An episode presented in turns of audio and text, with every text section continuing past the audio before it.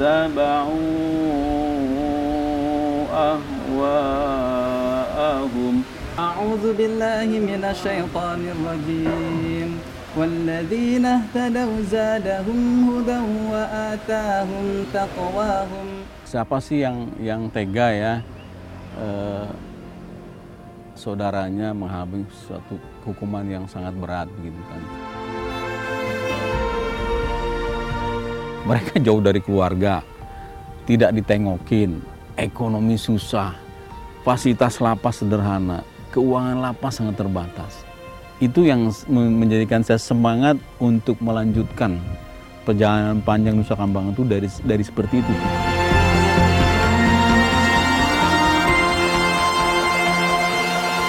Saya insya Allah sampai Allah memanggil saya gitu.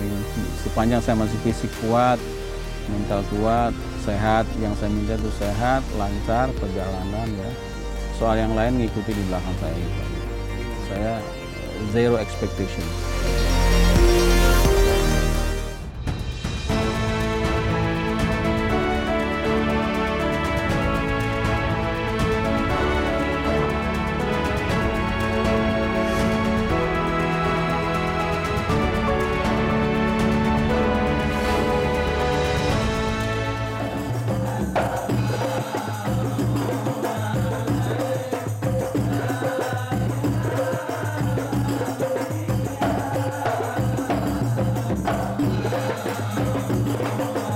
Sejak tahun 1991, Hasan Makarim mulai menginjakan kaki mendampingi narapidana di penjara permisan Nusa Kambangan Cilacap, Jawa Tengah. Saat itu, Pulau Nusa Kambangan baru ada empat penjara, yaitu Lembaga Pemasyarakatan Batu, Permisan, Besi, dan Kembang Kuning.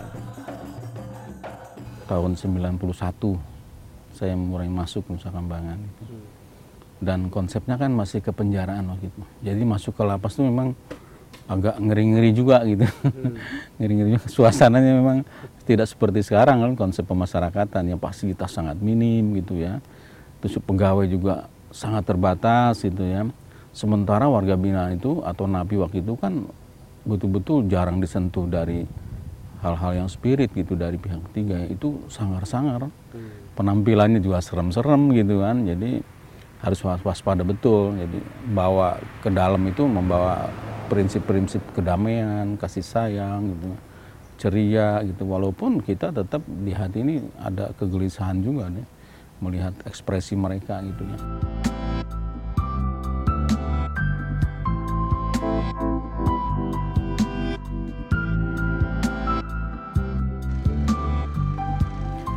Tidak hanya kondisi lembaga pemasyarakatan yang masih minim sarana prasarana, serta pegawai lapas yang masih terbatas, Hasan Makarim juga harus menyeberang dengan kapal kecil, akses jalan yang masih rusak, dan juga sarana transportasi yang sangat terbatas.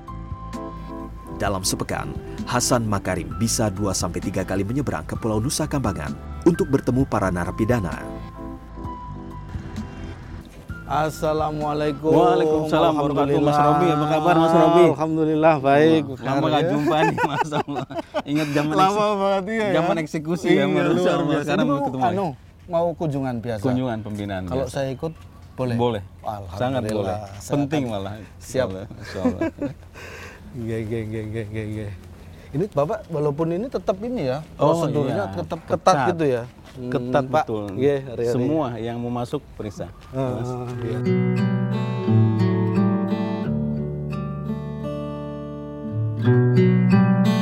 Semua yang masuk lembaga pemasyarakatan Nusa Kambangan akan menjalani prosedur pemeriksaan standar oleh petugas. Denny Setia Maharwan menjadi saksi perjalanan Hasan Makarim. Denny adalah alumni STPDN, terpidana mati kasus narkoba yang sejak tahun 2000 mendekam di lapas Cipinang. Pada tahun 2007, dia dipindah ke lapas Nusa Kambangan. Berkat pendampingan rohani yang dilakukan Hasan Makarim dan lembaga pemasyarakatan, pada tahun 2012, Denny berhasil mendapatkan perubahan hukuman dari pidana mati menjadi pidana seumur hidup.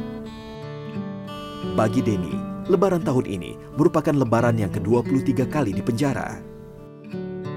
Sosok Ustadz Hasan Makarim memiliki makna yang tidak hanya menjadi guru atau pembimbing, akan tetapi bisa menjadi saudara dan sahabat yang baik. Bagi saya, Pak Ustadz Hasan itu yang berarti sampai dengan sekarang telah membina saya, membimbing saya dari tahun 2007 sampai dengan saat ini di Lapas Kemang Kuning, beliau terus membimbing saya. Artinya ketika banyak memberikan pemahaman, nasihat kepada saya di awal-awal kami bertemu, sehingga memantapkan saya untuk bertobat kepada Allah Subhanahu wa taala dengan taubatan nasuha untuk bertekad berperilaku baik dan sampai, saat ini beliau terus membimbing saya sehingga saya bisa istiqomah terus dalam ketaubatan saya berperilaku baik menjalankan ketaatan ketaatan kepada Allah Subhanahu wa taala termasuk juga menjalankan ketaatan ketaatan terhadap peraturan-peraturan yang berada di dalam lapas.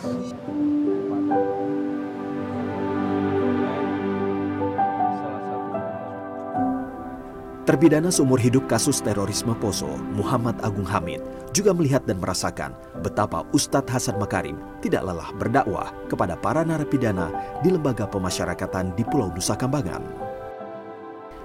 Bagi terpidana kasus terorisme, Ustadz Hasan Makarim juga membantu menyadarkan mereka dari paham radikal untuk kembali mengakui keberadaan Negara Kesatuan Republik Indonesia. Tidak hanya itu, Ustadz Hasan Makarim juga membantu para narapidana untuk memiliki keahlian sebagai bekal pada saat nanti mereka keluar kembali ke masyarakat. Untuk uh, sosok Pak Hasan untuk uh, mengafis uh, teman-teman di sini menghidupkan dakwah luar biasa.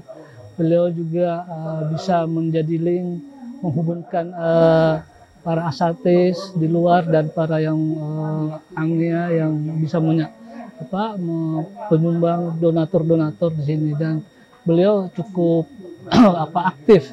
Aktif dalam membantu kita di sini. Bersilaturahmi dan uh, apa yang paling uh, yang kami apa anggap bagus itu setelah uh, napi-napi keluar mereka masih menyambut mengadakan hubungan itu. Itu yang paling bagus. Perjalanan panjang menjadi pembimbing rohani di lembaga pemasyarakatan Nusa Kambangan terbentuk dari masalah yang dihadapi. Kondisi narapidana yang secara kemanusiaan butuh perhatian di tengah kondisi ekonomi, keluarga yang tidak mendukung, serta keterbatasan sarana dan prasarana yang ada. Saya semakin panjang itu perjalanan yang makin sulit, itu saya makin semangat. Makin semangat, kenapa? Karena di dalam tuh banyak saudara kita gitu. Mereka jauh dari keluarga, tidak ditengokin, ekonomi susah, fasilitas lapas sederhana, keuangan lapas sangat terbatas. Itu yang menjadikan saya semangat untuk melanjutkan perjalanan panjang Nusa Kambangan itu dari dari seperti itu tuh. Bukan dari yang membahagiakan. Allahu ala qulubihim wattaba'u ahwa'ahum. Pokoknya memberikan keyakinan, doa, zikir, ayat-ayat, hadis yang yang motivasi dia bahwa kematian itu semua orang bakal mati. Kalau jenengan ini diterima dengan tabah sabar, disikapi dengan ibadah, tobat, ini sebuah kebahagiaan dan keberuntungan. Tidak semua orang meninggal dunia itu diberitahu sehingga bisa mempersiapkan diri, bisa mental dengan usaha ibadah, tobat, zikir, doa dan sebagainya. Ini satu keberuntungan sebenarnya. Jadi terus kita motivasi begitu tetap sih kita kalau sudah selesai ada rasa rasa galau misalnya gitu ya, terbayang.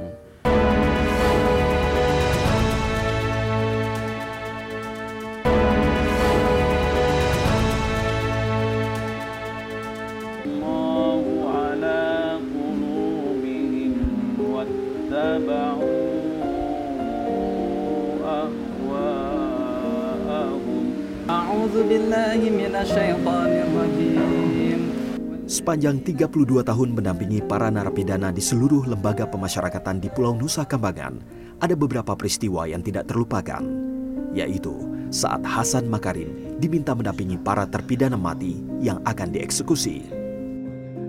Mereka yang didampingi Hasan Makarim hingga menjemput ajal, di antaranya Imam Samudra, Amrozi, dan Mukhlas.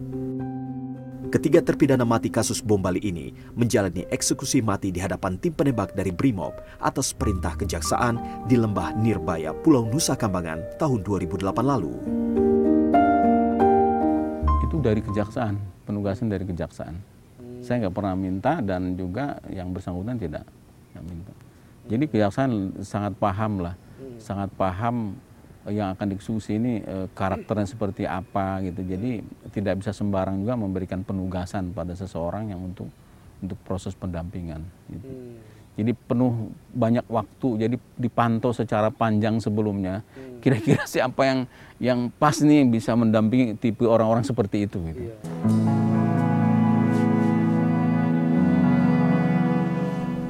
Ada kejadian yang masih diingat Hasan Makarim saat menenangkan Imam Samudra, Amrosi, dan Mukhlas. Ketika itu, mereka emosi dan marah kepada petugas lembaga pemasyarakatan saat hendak diisolasi menjelang eksekusi. Dengan kelembutan, Hasan Makarim mampu menurunkan emosi Imam Samudra, Amrosi, dan Mukhlas. Ya itu menjelang isolasi kan sholat, sholat Jumat bareng gitu ya, sholat Jumat bareng. Eh, jadi memang saya pesan paling begini, eh, jaga keikhlasan. Dan sempat waktu di ada sedikit ini apa eh, ekspresi mau emosi dengan dengan petugas waktu itu. Saya hanya ngunjuk jari begini ke mulutnya begini, terus kasih kode begini. Nggak jadi marah dia. gitu. Si trio Iya, terutama terutama Imam Samudra ya. Dan Itu artinya bertiga. Imam Samudra yang paling saya bilang. "Shh." Gitu. Alhamdulillah apa bisa dikendalikan.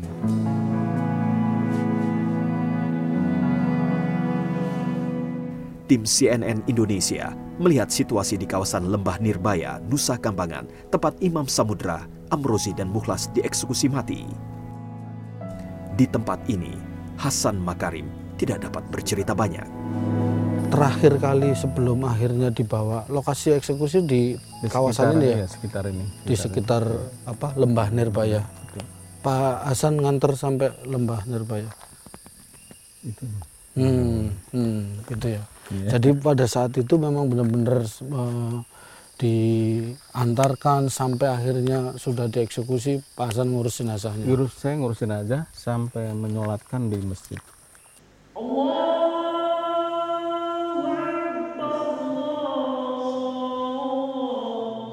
Tidak hanya di kawasan Lembah Nirbaya, tim CNN Indonesia juga melihat masjid tempat jenazah Imam Samudra disolatkan sebelum diserahkan ke pihak keluarga.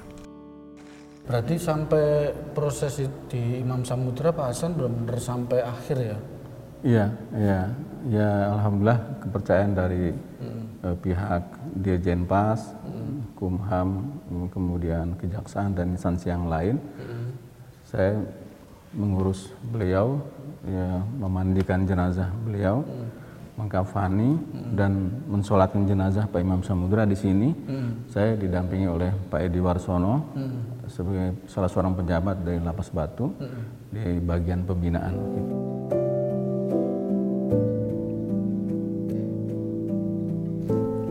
Pada tahun 2015, Hasan Makarim juga dipercaya mendampingi terpidana mati kasus narkoba Rani asal Cianjur.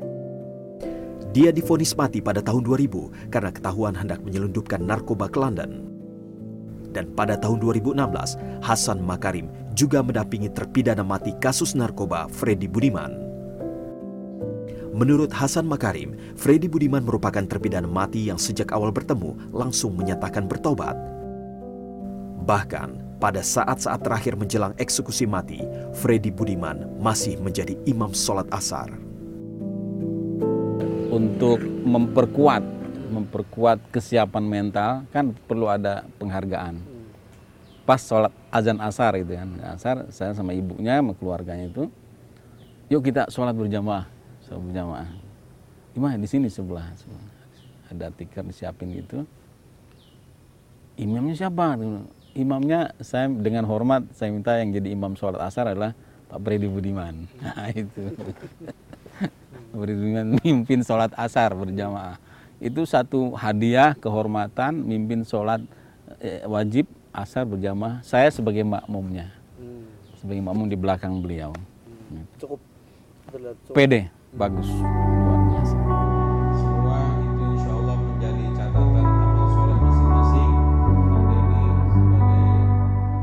Salah satu hal yang selalu Hasan Makarim lakukan kepada para terpidana mati adalah memberikan motivasi agar bisa ikhlas menerima konsekuensi atas hukuman yang dihadapi. Selain itu, pada saat menjelang eksekusi, Hasan Makarim selalu memberikan kain putih untuk dipakai. Dia juga berpesan kepada para terpidana mati untuk selalu menjaga wudhu. Calon terpidana mati yang muslim itu semua pada malam terakhir itu saya bawakan pada hari terakhir saya bawakan pakaian putih-putih.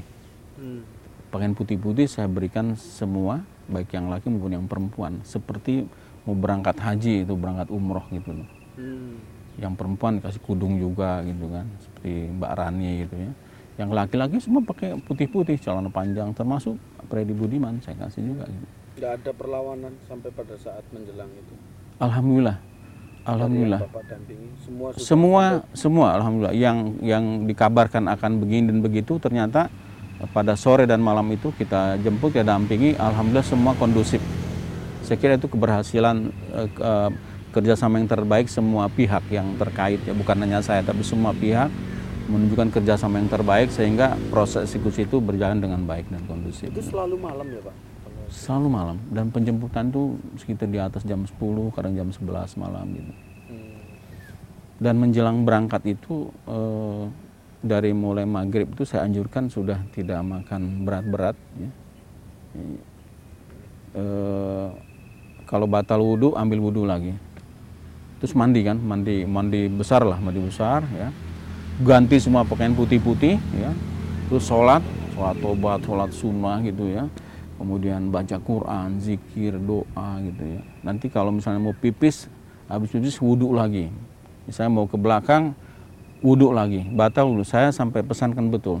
Sampai menjelang berangkat berwudhu lagi dan wudhu itu pertahankan sampai dengan eksekusi selesai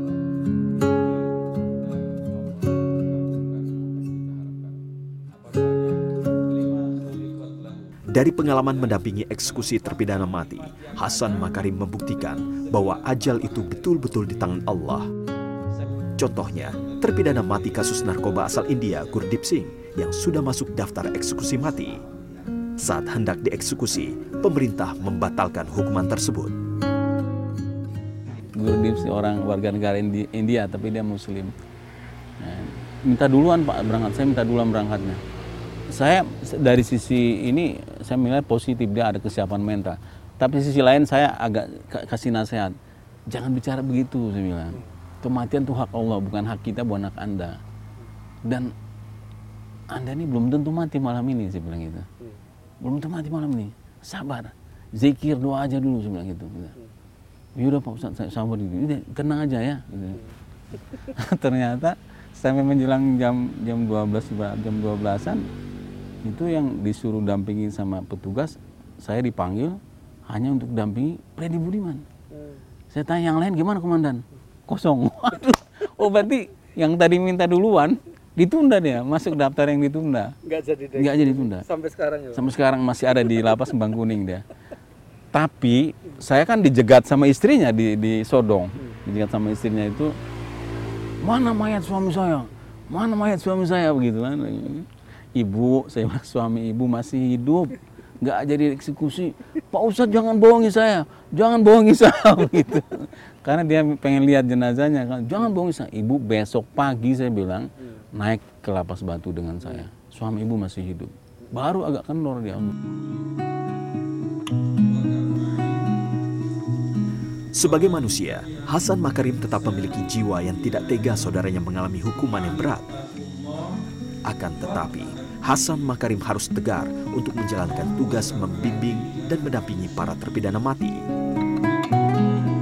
Siapa sih yang yang tega ya eh, saudaranya mengalami suatu hukuman yang sangat berat begitu kan satu sisi. Tapi di sisi lain saya sebagai sebagai eh, pendamping ya sebagai memberikan nasihat ya harus tegar saya. Harus tegar. Nah kalau saya galau gimana? Iya kan? Kan Saya harus tegar itu kan. Pokoknya memberikan keyakinan, doa, zikir, ayat-ayat, harus yang yang motivasi dia bahwa kematian itu semua orang bakal mati. Kalau jenengan ini diterima dengan tabah sabar, disikapi dengan ibadah, tobat, Ini sebuah kebahagiaan dan keberuntungan. Tidak semua orang meninggal dunia itu diberitahu sehingga bisa mempersiapkan diri, mempersiapkan mental dengan usaha ibadah, tobat, zikir, doa dan sebagainya. Ini satu keberuntungan sebenarnya itu. Jadi terus kita motivasi begitu. Ya, tetap sih kita kalau sudah selesai ada rasa rasa galau misalnya gitu ya, terbayang.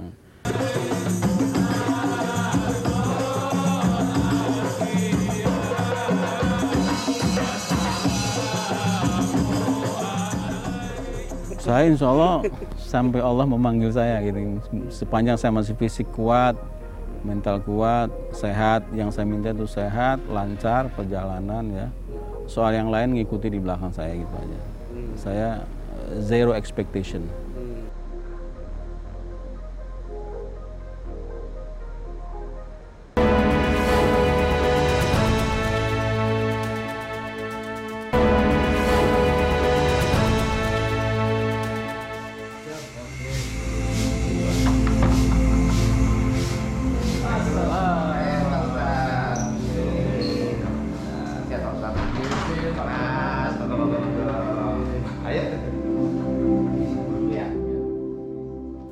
Keberadaan Hasan Makarim tidak hanya dibutuhkan para narapidana. Lembaga pemasyarakatan juga sangat membutuhkan peran Hasan Makarim, terutama saat kerusuhan seperti di Lapas Pasir Putih, Lapas Permisan, dan Lapas Batu. Hasan Makarim hadir untuk menenangkan para narapidana yang sedang emosi dan melakukan perusakan. Pertama yang paling menyolok itu konflik di Pasir Putih. Awal dibuka Pasir Putih ya, kalapasnya Pak Harun waktu itu. Itu napi baru dibuka, kemudian ngamuk-ngamuk apa itu. Beliau tanya-tanya siapa yang bisa diajak bareng nih eh, mem- membuat kondusif di dalam gitu. Nah lapas kalapas lain bilang ada Pak Hasan Makarim tuh gitu. Menurut Kepala Lapas Kembang Kuning Agus Wahono, saat ini Lapas Kembang Kuning berisi 480 narapidana yang terbagi menjadi pidana mati 30 orang, pidana seumur hidup 80, warga negara asing 40 orang, sisanya 40% pidana narkoba. Keberadaan Hasan Makarim di Lapas Kembang Kuning sangat membantu lembaga pemasyarakatan dalam melakukan pembinaan terhadap para narapidana dengan resiko sangat tinggi. saya sangat apresiasi sekali ke Pak Hasan ini karena de- dia berjuang eh, berdakwah eh, mendampingi mere- mereka narapidana sampai sekarang dan alhamdulillah salah satu bukti nyata di lapas Kembang Kuning ini berdiri pondok pesantren ya. Ada beberapa napi yang sudah masuk santri dan kami terus berusaha agar napi-napi yang lain itu menjadi santri.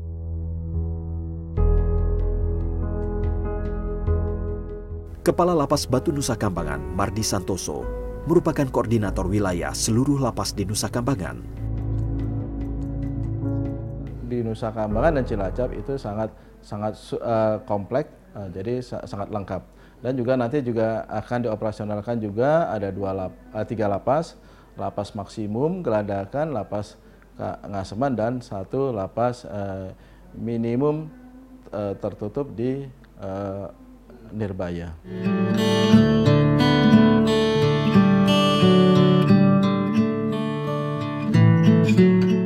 Selain melibatkan Hasan Makarim sebagai pembimbing narapidana yang beragama Islam, lembaga pemasyarakatan juga melakukan pembinaan, terutama di lapas medium, yaitu lapas Kembang Kuning dan lapas Permisan, berupa pelatihan kemandirian. Seperti di lapas Permisan, program kemandirian terdiri dari membatik, sablon, dan beragam kerajinan seperti kaligrafi, dan juga modifikasi motor antik. Dengan pelatihan kemandirian, narapidana nantinya setelah bebas bisa kembali ke masyarakat dan memiliki kemampuan untuk bekerja atau bertahan hidup.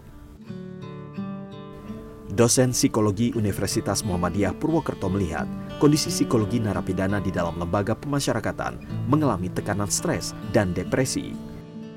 Karena itu, keberadaan Hasan Makarim yang melakukan pendampingan dari sisi keagamaan membantu narapidana dalam menjalani dan menerima hukuman yang sedang dijalani. Ketika ada pendampingan dari sisi rohani ya dari sisi agama sangat membantu sekali gitu ya. Mereka bisa eh, eh, apa namanya ya berusaha untuk atau menyadari lah eh, apa kesalahan gitu. Jadi kemudian mungkin bertobat ya kemudian juga bisa eh, apa mengurangi perasaan-perasaan gelisah gitu ya. Kalau kita baca itu kan eh, apa misalnya sholat ibadah itu kan bisa mengurangi perasaan cemas gitu ya membuat hati lebih tenang gitu ya dan ini memang dari sisi psikologi sangat membantu sekali gitu.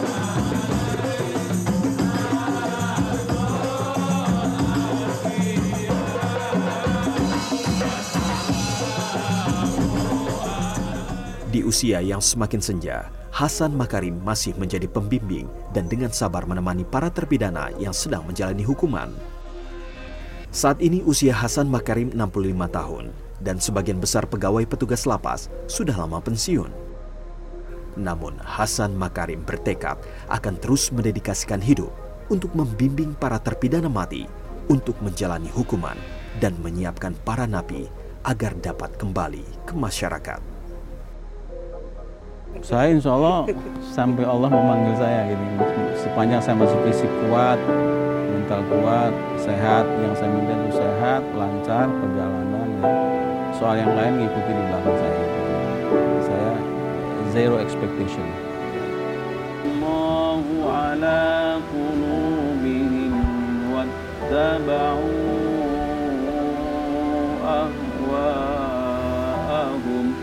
أعوذ بالله من الشيطان الرجيم. والذين اهتدوا زادهم هدى وآتاهم تقواهم.